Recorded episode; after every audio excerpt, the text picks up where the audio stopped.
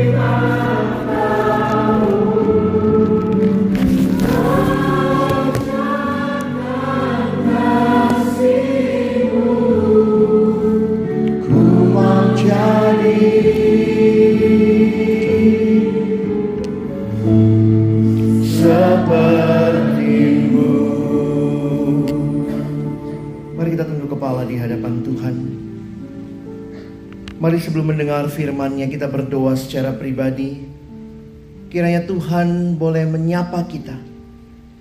Firman-Nya boleh kembali menyegarkan hati kita. Kita hadir bukan kebiasaan setiap minggu harus datang Tapi biarlah ada kerinduan hati yang dalam mendengarkan Tuhan. Mari ambil waktu ini untuk berdoa secara pribadi.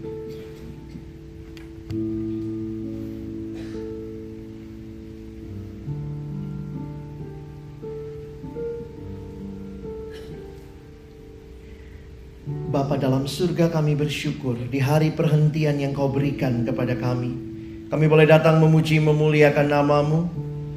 Menyampaikan doa-doa kami kepadamu. Dan tiba waktunya bagi kami untuk membuka firman-Mu ya Tuhan. Karena itu ya Tuhan kami mohon ketika kami membuka firman-Mu ya Tuhan bukalah juga hati kami. Jadikanlah hati kami seperti tanah yang baik. Supaya ketika benih firman Tuhan ditaburkan.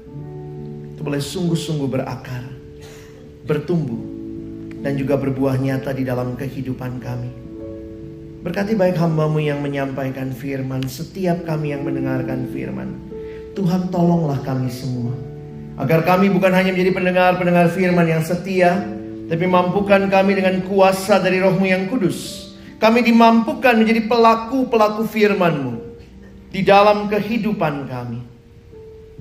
Bersabdalah ya Tuhan kami umatmu sedia mendengarnya. Di dalam satu nama yang kudus, nama yang berkuasa, Nama Tuhan kami Yesus Kristus, Sang Firman yang hidup. Kami menyerahkan pemberitaan firman Amin. Shalom. Selamat pagi Bapak Ibu Saudara yang dikasihi Tuhan. Kita bersyukur untuk kesempatan yang indah yang Tuhan berikan. Bukan sebagai kebiasaan tetapi karena kita tahu bahwa Tuhan mengasihi kita dan kita mau terus mengasihi dia. Termasuk di dalam kita hadir di dalam ibadah-ibadah seperti ini, kita benar-benar merindukan Tuhan berbicara kepada kita. Saudara yang dikasihi Tuhan, bagian Alkitab yang akan kita pikirkan pada hari ini kesannya sangat spesifik untuk wife, begitu ya. Tapi sebenarnya bukan hanya itu saja, tapi kita juga melihat ini untuk semua wanita tentunya. Kalau wanitanya saja dituntutnya seperti ini, nanti bapak-bapak, ibu-ibu, eh bapak-bapak yang pria pikir sendiri ya. Saudara harus seperti apa sebagai pemimpin untuk keluarga. Nah ini menjadi bagian yang merefleksikan kepada kita apa yang mungkin selama ini juga jadi pergumulan kita. Dan saya akan menolong kita untuk memahami bagian ini. Mari kita buka sama-sama Amsal 31 ayat 10 sampai dengan ayat yang ke-31. Mari kita lihat sebentar Amsal 31 ayat 10 sampai ayat 31. Latar belakang bagian ini ditulis oleh siapa? Bisa naik sedikit ke atas ayat 1. Inilah perkataan Lemuel, Raja Masa. Siapa Lemuel? dia raja di mana tidak terlalu diketahui oleh para penafsir Alkitab. Karena itu, bagian ini nampaknya diambil oleh orang Yahudi, dimasukkan dari apa yang ada di dalam konteks umum pada waktu itu. Jadi kalau kita perhatikan, dikatakan inilah perkataan Lemuel Raja Masa yang diajarkan ibunya kepadanya. Jadi ibunya mengajarkan kepada Lemuel dan Lemuel kemudian mengajarkannya. Di dalam bentuk aslinya ini adalah puisi alfabetikal. Orang Ibrani punya alfabet 22. Jadi ayat 10 khususnya sampai ayat 31 itu pas 22 stansa. Dan di dalam bahasa aslinya itu mulai dengan huruf yang A, B, C ya tentunya alef, bet itu dalam bahasa Ibraninya. Jadi sangat indah bentuknya di dalam bahasa aslinya ya. Mari kita coba pahami dan melihat. Kita baca bergantian.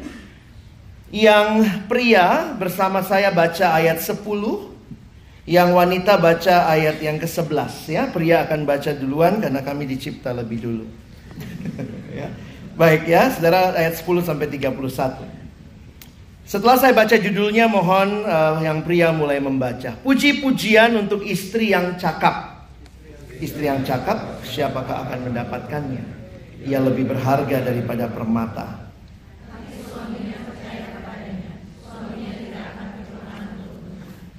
ia berbuat baik kepada suaminya dan tidak berbuat jahat sepanjang umurnya.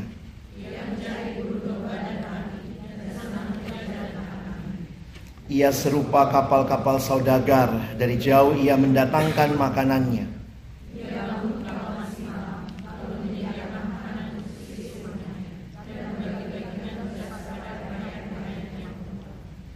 Ia membeli sebuah ladang yang diingininya dari hasil tangannya kebun anggur ditanaminya.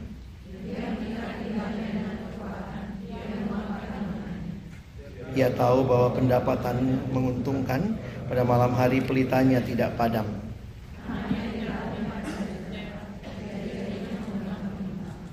Ia memberikan tangannya kepada yang tertindas, mengulurkan tangannya kepada yang miskin.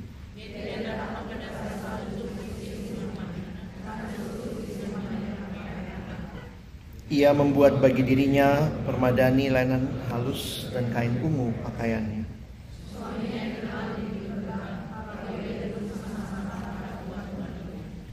Ia membuat pakaian dari lenan dan menjualnya. Ia menyerahkan ikat pinggang kepada pedagang.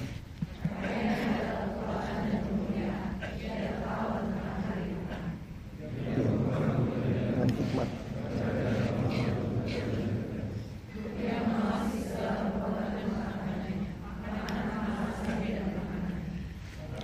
Anak-anaknya bangun dan menyebutnya berbahagia.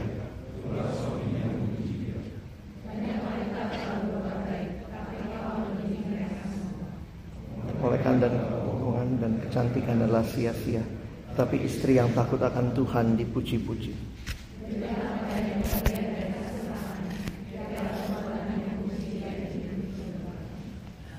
Kita akan coba lihat satu visualisasi ayat ini di dalam terjemahan um, English Standard Version ya. Kita akan lihat video berikut.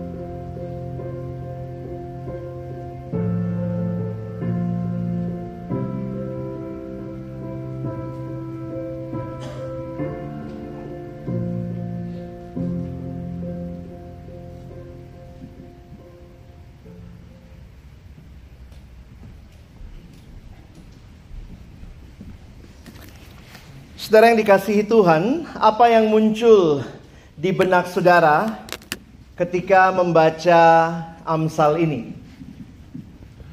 Mungkin ada yang berpikir, wow, sempurna banget istri kayak gitu ya. Ada ada yang mulai mikir gitu, kalau cari yang kayak gitu pak, saya kan belum nikah, nggak dapet kayaknya pak. Apa pun yang muncul di benak kita, memang ini jadi satu hal yang menarik untuk kita pikirkan bersama. Ada satu kalimat yang saya kutip di depan. It's hard to be a woman. You must think like a man, act like a lady, look like a young girl, and work like a horse. Saudara, bener ini nggak ya? Maaf ini buat yang wanita-wanita, perempuan-perempuan. Bagian ini di dalam beberapa tafsiran yang saya baca menyatakan ini adalah gambaran ideal. Dan ideal itu tidak ada yang salah dengan yang ideal. Cuma realitanya kita sudah jatuh di dalam dosa.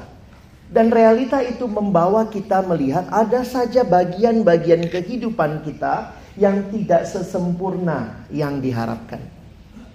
Bagi saya kalau ini benar diambil oleh yang membukukan kitab Amsal dari puisi yang ada di bangsa-bangsa lain pada waktu itu, maka kita akan melihat ada satu bagian yang penting yang mau ditekankan. Sehingga saudara mari kita tidak terjebak juga akhirnya menjadi uh, orang yang mencari hal yang ideal begitu ya. Bagi saya adalah yang paling penting adalah satu kualitas karakter yang nanti akan kita baca sama-sama. Saya ingat ada satu pepatah ya wise saying gitu ya kalimat yang bagus bilang begini. Kalau cari pasangan lebih baik yang tidak sempurna tapi ada daripada cari yang sempurna tapi nggak ada. Saudara setuju nggak? Wah saya mau dia nanti begini, begini, begini, begini, begini. Ada nggak orangnya? Nggak ada. Nah ini bukan berarti kita mentoleransi dosa dan tidak mau berubah. Saya memang nggak bisa berubah. Kadang-kadang dalam hidup itu kita suka merasa dalam hidup itu ada tiga hal kan kalimatnya begini ya. Yang pertama kita tahu ada hal-hal yang tidak bisa diubah. Oke? Okay? Kalau saudara tidak bisa ubah itu, maka secara alkitabiah bagian kita adalah terimalah itu. Oh ada banyak hal, kira-kira dalam satu buku yang saya baca ada kira-kira 10 hal yang tidak bisa diubah. Contoh, kita tidak bisa mengubah kita lahir dari keluarga yang seperti apa. Ada yang pernah pesan papa mamanya? Saya mau papa papa saya raja Inggris. Eh ternyata raja Depok. Enggak gitu ya. Kita nggak bisa memilih. Kita tidak bisa memilih jenis kelamin kita. Kita bahkan nggak bisa memilih urutan lahir kita. Kita kita maunya jadi koko, jadi cici, eh lahirnya tetap dede gitu ya. Kita nggak bisa memilih. Itu hal-hal yang nggak bisa dipilih. Saudara nggak bisa memilih lahir di suku apa. Ada yang pilih? Saudara tidak bisa memilih. Nah, kita bilang ya kalau kita nggak bisa pilih ya diterima. Nah, tapi yang kedua yang menarik adalah ada hal-hal yang bisa diubah. Yang bisa diubah yang mbok ya diubah begitu ya. Yang tidak bisa diubah diterima, yang bisa diubah diubah dan hal ketiga ini namanya serenity prayer kalau kita googling ya. Dia mengatakan, Tuhan tolong saya bisa membedakan yang pertama dan yang kedua. Mana yang bisa diubah, diubah. Yang nggak bisa diubah, diterima. Nah kadang-kadang kita suka salah. Dalam hal bahas firman Tuhan ada yang langsung bilang, saya memang begitu. Apalagi kan sekarang ada personality test gitu ya secara psikologi, oh saya memang orangnya ekstrovert, mau apa? Ya mboknya tahan diri juga sedikit begitu ya. Atau ada yang merasa begini, saya memang orangnya pemarah, mau apa? Jadi pemarahnya dia bilang, kalau saya nggak marah nanti bukan saya. Ya ampun, itu bisa diubah. Manusia gitu ya. Jenis kelamin minta diubah. Tuhan doa semalam suntuk. Amin. Eh lihat eh masih jenis kelaminnya ya. Nggak bisa diubah saudara. Mau doa semalam suntuk sampai semalam ceria tetap nggak bisa berubah. Urutan lahir Tuhan saya mau jadi koko. Doa tiga malam. Amin. Tetap dede. Nggak bisa diubah. Tapi kalau bicara karakter. Banyak orang yang mengeraskan hati dan tidak berkata apa. Ini saya. Mau apa. Nah kita belajar lewat bagian ini ya. Saya kembali memberikan beberapa hal di sini. Amsal ini disampaikan Raja Lemuel, tadi saya katakan, dari apa yang ibunya ajarkan kepadanya. Dan Amsal ini dalam bentuk sastra Ibrani yang indah, alphabetical poem yang terdiri dari 22 baris. Jadi kalau saudara punya akses dengan bahasa asli, nanti bisa cek itu ya, dalam hal yang sangat indah. Nah, apa yang mau kita pelajari bersama? Kita lihat sebentar di dalam ayatnya yang ke-10.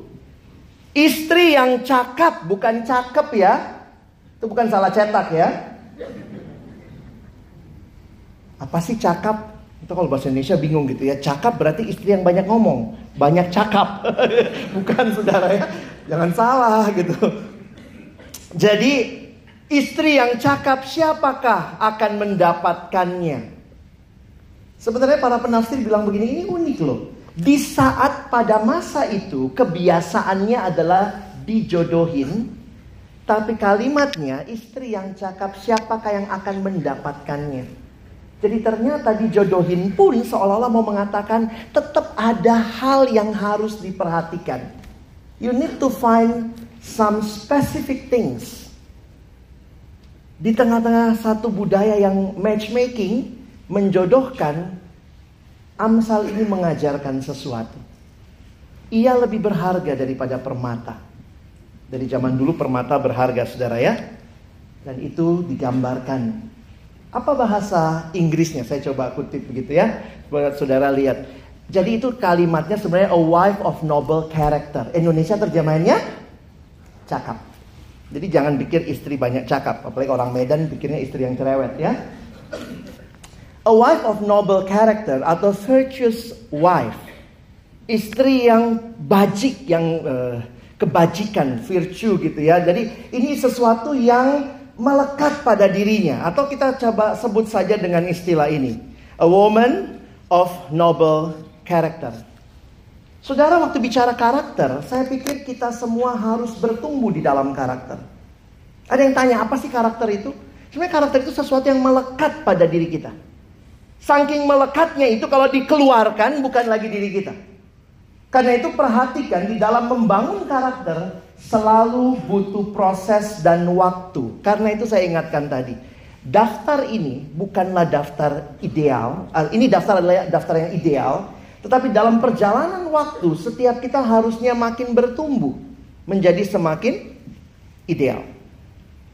Nah, saudara perhatikan ada satu kalimat yang mengatakan begini: menabur pikiran, menuai tindakan. Menabur tindakan, menuai kebiasaan. Menabur kebiasaan, menuai karakter. Dan menabur karakter, menuai masa depan. Waktu saya membaca uh, kutipan ini pertama kali langsung saya capture begitu ya. Kenapa? Karena ini menunjukkan bahwa membangun karakter adalah sebuah proses panjang. Atau boleh kita katakan sebagai proses seumur hidup. Jadi karakter itu bukan begini saudara ya. Karena besok lagi mau ada yang datang ke rumah kita, kita tampil baik hari itu saja. Tidak. Tapi karakter itu terbentuk dengan sebuah hal yang dilakukan, dibiasakan, sampai lama-lama melekat begitu rupa dengan diri kita. Karena itu membangun karakter nggak mudah. Dan butuh waktu, butuh proses. Saudara saya ingat dulu ada teman saya masih SMA dia sudah dapat gelar STH. Kenapa? Jadi anak ini gini saudara ya, setiap kali kami kumpul, komsel misalnya atau KTB begitu ya, dia selalu terlambat. Jadi kan sekali terlambat, uh, dia lakukan. Besok-besok terlambat jadi kebiasaan. Terus-terusan terlambat, ya kalau terlambat satu hari, oke okay lah sehari, eh dua hari, dua minggu, tiga minggu, tiga bulan, empat bulan, satu tahun kita kenal. Akhirnya jadi karakter dia. Makanya kami julukin STH. Selalu terlambat hadir. Begitu dia datang on time, apa kalimat orang? Tumben. Nah, saudara mengerti karakternya? Itu bukan cuma kita lakukan sekali gitu ya. Jadi maaf nih ya yang ibu-ibu, karena hari ini kita lagi belajar ibu-ibu ya, yang perempuan. Saya balik lagi nanti ada bagian buat laki-laki tapi nanti dipelajari bagian lain. Ini bukan pulang tiba-tiba ibu-ibu berubah langsung. Kita perlu tindakan, membiasakan, sampai akhirnya menjadi karakter. Bangun pagi itu nggak gampang kan? Untuk jadi karakter tuh nggak gampang. Sampai ada yang baca ini, ih ini ini istri atau pembantu ya? Lebih mirip pembantu ini.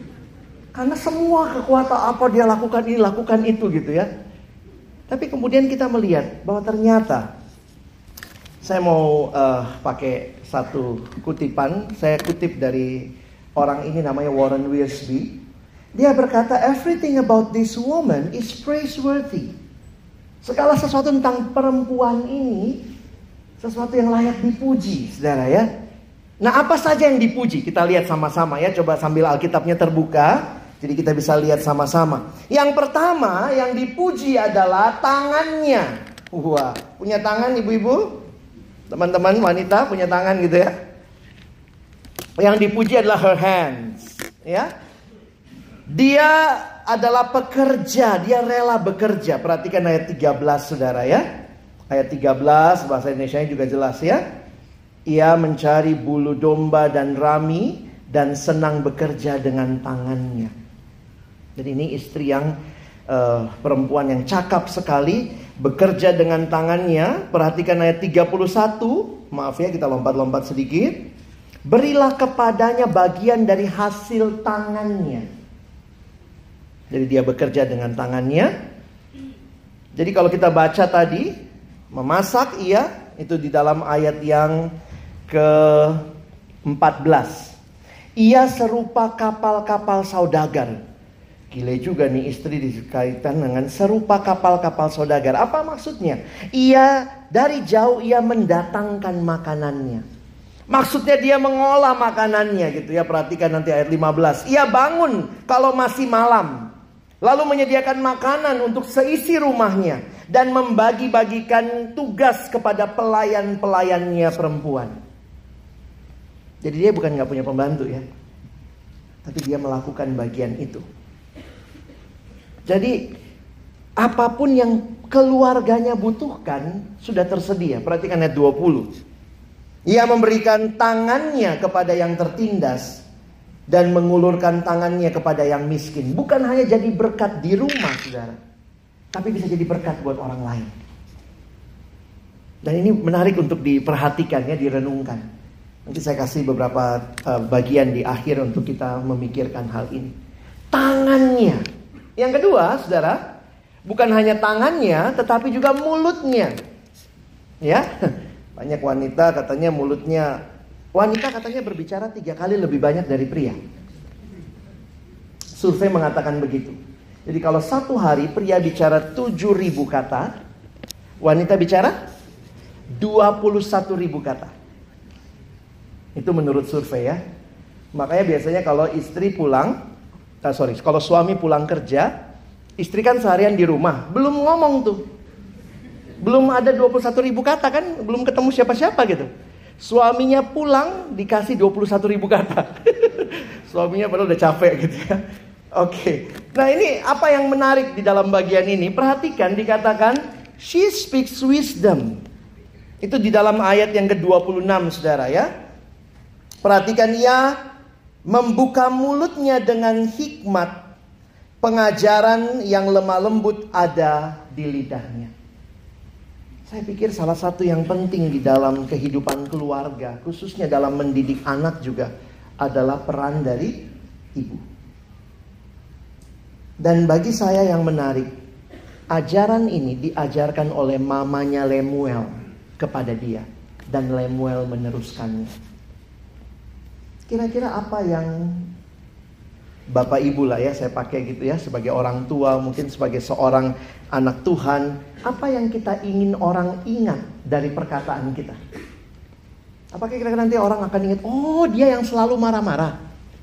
Oh dia yang selalu ngomong jorok. Oh dia yang manggil orang monyet. Ataukah kita akan diingat karena perkataan-perkataan yang bijaksana dan ini bukan hanya buat keluarganya, tapi juga bagi orang-orang di sekitarnya, bagi sahabat-sahabatnya. Bukan hanya itu saudara, perhatikan juga nanti kalau kita cek dalam bahasa aslinya sebenarnya ini dipakai kata mata ya. Atau dia melihat. Sayangnya bahasa Indonesia ayat 13 misalnya, ia mencari bulu domba, dia seek gitu ya bahasa Inggrisnya dan senang bekerja dengan tangan. Di ayat 16 kita perhatikan, ia membeli sebuah ladang yang diingininya. Jadi matanya itu peka kepada setiap kesempatan. Ini unik juga nih ya, istri yang digambarkan sangat ideal sampai dia ngerti real estate ya. Ia membeli sebuah ladang yang diingininya dan punya penghasilan sendiri nih kayaknya. Dan dari hasil tangannya kebun anggur ditanaminya gitu ya. Ini sekali lagi agak unik memang untuk konteks Israel di mana laki-laki mendominasi ada amsal seperti ini. Perhatikan lagi ayat yang ke-27. Dia mengawasi, ini pakai mata ya. Jadi tadi dia punya mata yang awas melihat opportunities. Dia punya mata yang awas mengawasi segala perbuatan rumah tangganya. Makanan kemalasan tidak dimakannya. Berarti dia rajin. Sebenarnya kalau begini-begini aja sih ya, nggak usah jadi Kristen untuk begini ya. Tapi bagi saya yang pastinya membedakan ini jadi amsal yang ada di kitab suci kita adalah bagian ini. Hatinya. Apa yang dikatakan tentang hatinya? Kita lihat sebentar, ya. Most important, her heart is faithful to the Lord. Ayat 30. Saudara lihat itu ya. Kemolekan adalah bohong, dan kecantikan adalah sia-sia. Kalau istri banyak dandan, suami bisa pakai itu ya. Karena untuk kemolekan, kecantikan mahal harganya saudara ya. Lihat bagian belakangnya. Tetapi kalau bicara seperti ini bukannya berarti tidak tidak boleh cantik ya. No, bukan itu maksudnya. Tetapi ada hal yang lebih penting saudara. Apa itu? Istri yang takut akan Tuhan dipuji-puji. Waktu berbicara tentang semua hal yang di atas tadi. Saya harus katakan mungkin dalam tradisi budaya tertentu ada yang lebih rajin lagi dari yang tadi. Di beberapa tradisi dan budaya wanita seperti budak buat suami. Lakukan semua hal. Saya pikir jangan terjebak saudara menjadikan ayat ini untuk menindas istri. Ya. Tetapi ayat ini mau menekankan bahwa ada satu karakter yang jauh lebih utama. Yang kalau karakter itu kita miliki, dimiliki oleh para perempuan, maka sebenarnya semua yang di atas akan bisa dilakukan. Dilakukan bukan dalam tekanan, tetapi dilakukan dengan satu sukacita. Apa itu? Takut akan Tuhan. Bagian awal kitab Amsal dikatakan takut adalah akan Tuhan adalah permulaan pengetahuan. Di bagian akhir diingatkan takut akan Tuhan. Harusnya menjadi karakter dari wanita yang cakap. Dan karakter ini akan memungkinkan muncul yang namanya buah-buah yang lain. Di mana mata dipakai dengan benar, tangan dipakai dengan benar. Semuanya akan jadi indah, saudara. Sehingga tidak heran wanita seperti ini dipuji, ya. Kalau saudara lihat itu ya, It is no surprise that she is praised. Makanya dia dipuji. Siapa yang memuji dia? Kalau dipuji oleh tetangga yang cuma lihat kita satu minggu satu jam. Makanya ada seorang teman bilang kalau dia selesai turun khotbah lalu kemudian disalam jemaat. Terima kasih pak khotbahnya bagus. Dia bilang semua yang salamin saya saya anggap biasa. Sampai istri saya nyalam saya. Lalu istrinya bilang apa? Papi terima kasih. Khotbahnya mami juga lihat dalam hidup papi setiap hari. Itu beda. Ujian dari mana? Dari suami dan anak-anaknya. Saudara lihat itu di ayat yang ke 28. Anak-anaknya bangun dan menyebutnya berbahagia, blessed. Pula suaminya memuji dia.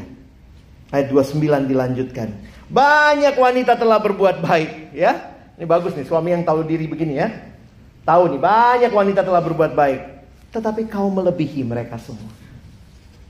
Jadi dia tahu persis. Anaknya, suaminya, bahkan Ayat 31 menyatakan pekerjaan yang dia hasilkan akan memuji dia. Ini ungkapannya, coba lihat ayat 31. Berilah kepadanya bagian dari hasil tangannya. Siapa yang muji? Biarlah perbuatannya memuji-muji dia. Di mana di pintu gerbang. Pada waktu itu pintu gerbang itu adalah tempat itu kayak balai kota sekarang. Dulu semua transaksi di pintu gerbang, ya. Jadi ini menarik juga nih, istri yang benar-benar cakap, karakternya takut akan Tuhan, maka pujiannya bukan cuma datang dari keluarganya, saudara, tapi dari masyarakat di mana dia hadir. Bahkan luar biasanya dikatakan apa? Dia mendukung suaminya. Coba lihat di dalam ayat yang ke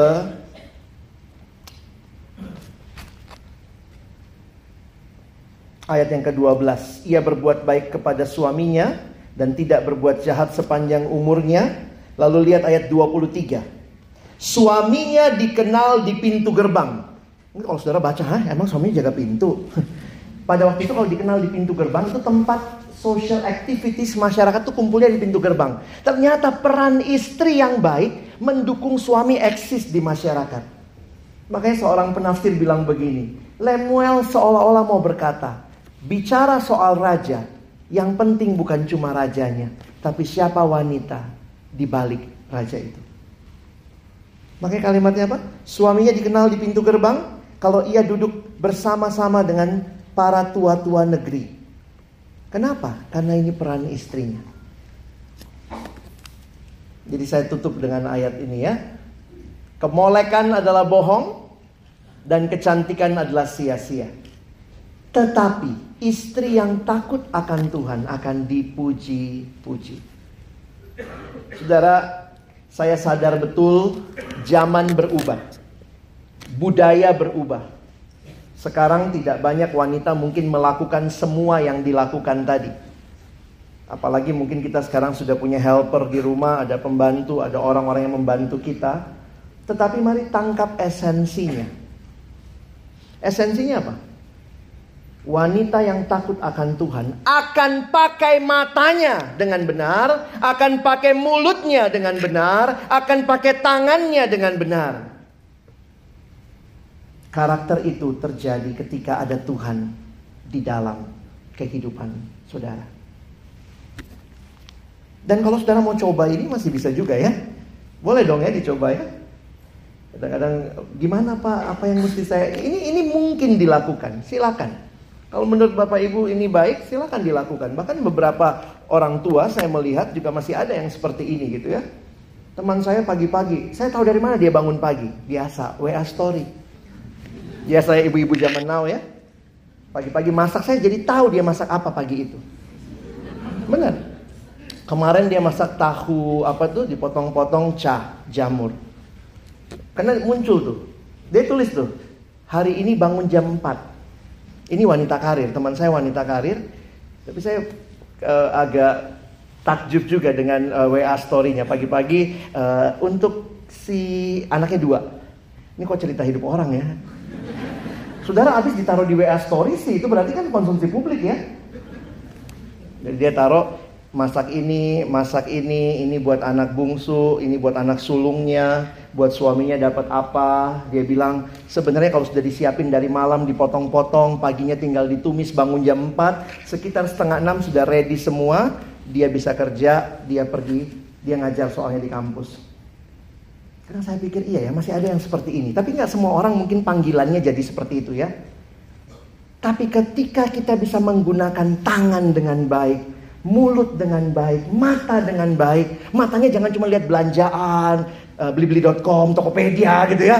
Ibu-ibu yang tiap hari pokoknya kerjanya gitu ya. Sekarang lalu saya nggak pernah ke mall pak. Iya, tapi cuma begini doang gitu ya.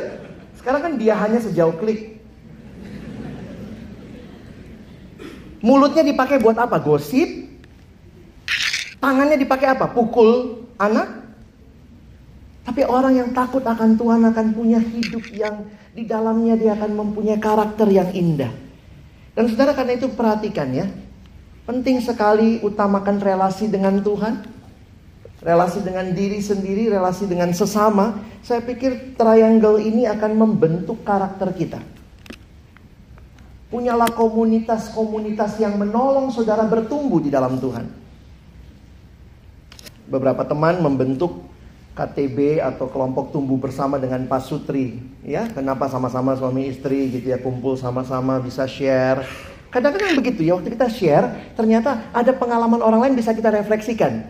Beberapa kali itu kalau kayak pembinaan Pak Sutri ya, atau apa biasanya nanti suaminya ngomong gitu tuh mah dengar tuh mah tuh gitu ya kenapa karena waktu orang lain menceritakan kita bisa refleksikan buat hidup kita nanti gantian lagi mamanya bilang tuh pak dengar tuh pak gitu ya jadi asik tuh ya di kelompok seperti itu semua saling senggol-senggolan begitu tapi apa yang terjadi adalah kita semua mau bertumbuh wanita bertumbuh jadi wanita yang punya noble character karena ada Tuhan dalam hidupnya dan yang pria, saya pikir juga tanggung jawab kita memimpin.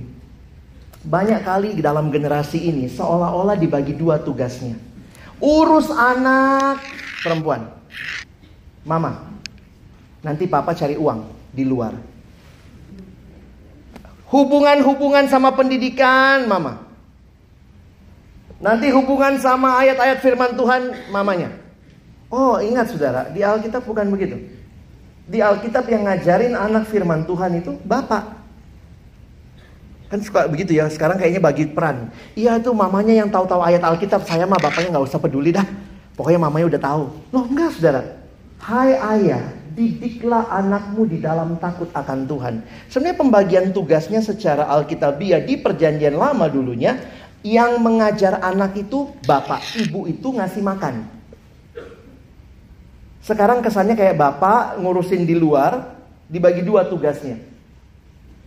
Loh apakah ada orang tua-orang tua yang masih berdoa bersama anak? Jangan cuma mamanya yang berdoa bersama anak. Papanya juga. Makanya saya pikir membahas ini jangan seksis jadinya ya. Ini hanya buat wanita. Nanti pulang itu mah denger itu. Bikin makan pagi-pagi. Oh kita mesti bertumbuh bersama saudara. Dan akhir dari semuanya ini saya pikir ketika kita mengalami karakter yang bertumbuh dan diubahkan. Ketika seorang istri perannya dilakukan dengan baik. Dan ini tidak sederhana saudara ya. Bila seorang istri menempatkan dirinya sebagai istri yang cakap. Pengaruhnya sangat besar bagi keluarganya maupun bagi masyarakat. Kalau semua yang ada dalam rumah tangga. Di dalam anugerah Tuhan menjalankan peran masing-masing suami ke istri, istri ke suami, orang tua ke anak, anak ke orang tua, maka kita akan melihat kerajaan Allah hadir dalam bentuk yang paling sederhana. Di mana itu? Di rumah tangga kita masing-masing. Mari pulang jadi orang-orang yang punya karakter yang terus bertumbuh di dalam Tuhan. Amin. Mari kita berdoa. Tuhan terima kasih banyak buat firman-Mu, setiap kebenaran yang kembali menyegarkan hati kami. Kami tidak mau jadi orang-orang yang hanya sibuk dengan seluruh aktivitas hidup, tetapi melupakan pembangunan karakter kami. Karena itu tolong kami mengutamakan relasi-relasi kami dengan Tuhan. Yang di dalamnya kami pun makin dibentuk, makin tahu seharusnya kami seperti apa dan pada akhirnya hidup kami boleh dipersembahkan bagi kemuliaan nama Tuhan. Kami tahu persis di tengah-tengah situasi kehidupan keluarga yang sudah makin tidak ideal. Termasuk di dalam umat Tuhan. Ada banyak situasi yang sulit. Relasi suami istri, relasi orang tua anak, tapi kiranya hari ini kami diingatkan kembali untuk membangun karakter di dalam Tuhan. Sehingga dengan itulah kami bisa membangun seluruh hidup kami bagi kemuliaan Tuhan.